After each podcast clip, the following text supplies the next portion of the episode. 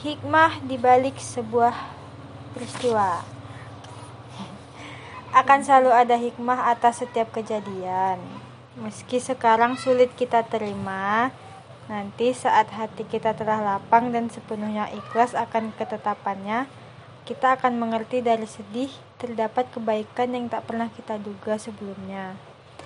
Perihal menjadi seseorang yang sabar, ikhlas dan berusaha untuk menerima. Perihal menjadi tangguh, tak mudah menyerah dan semakin dewasa.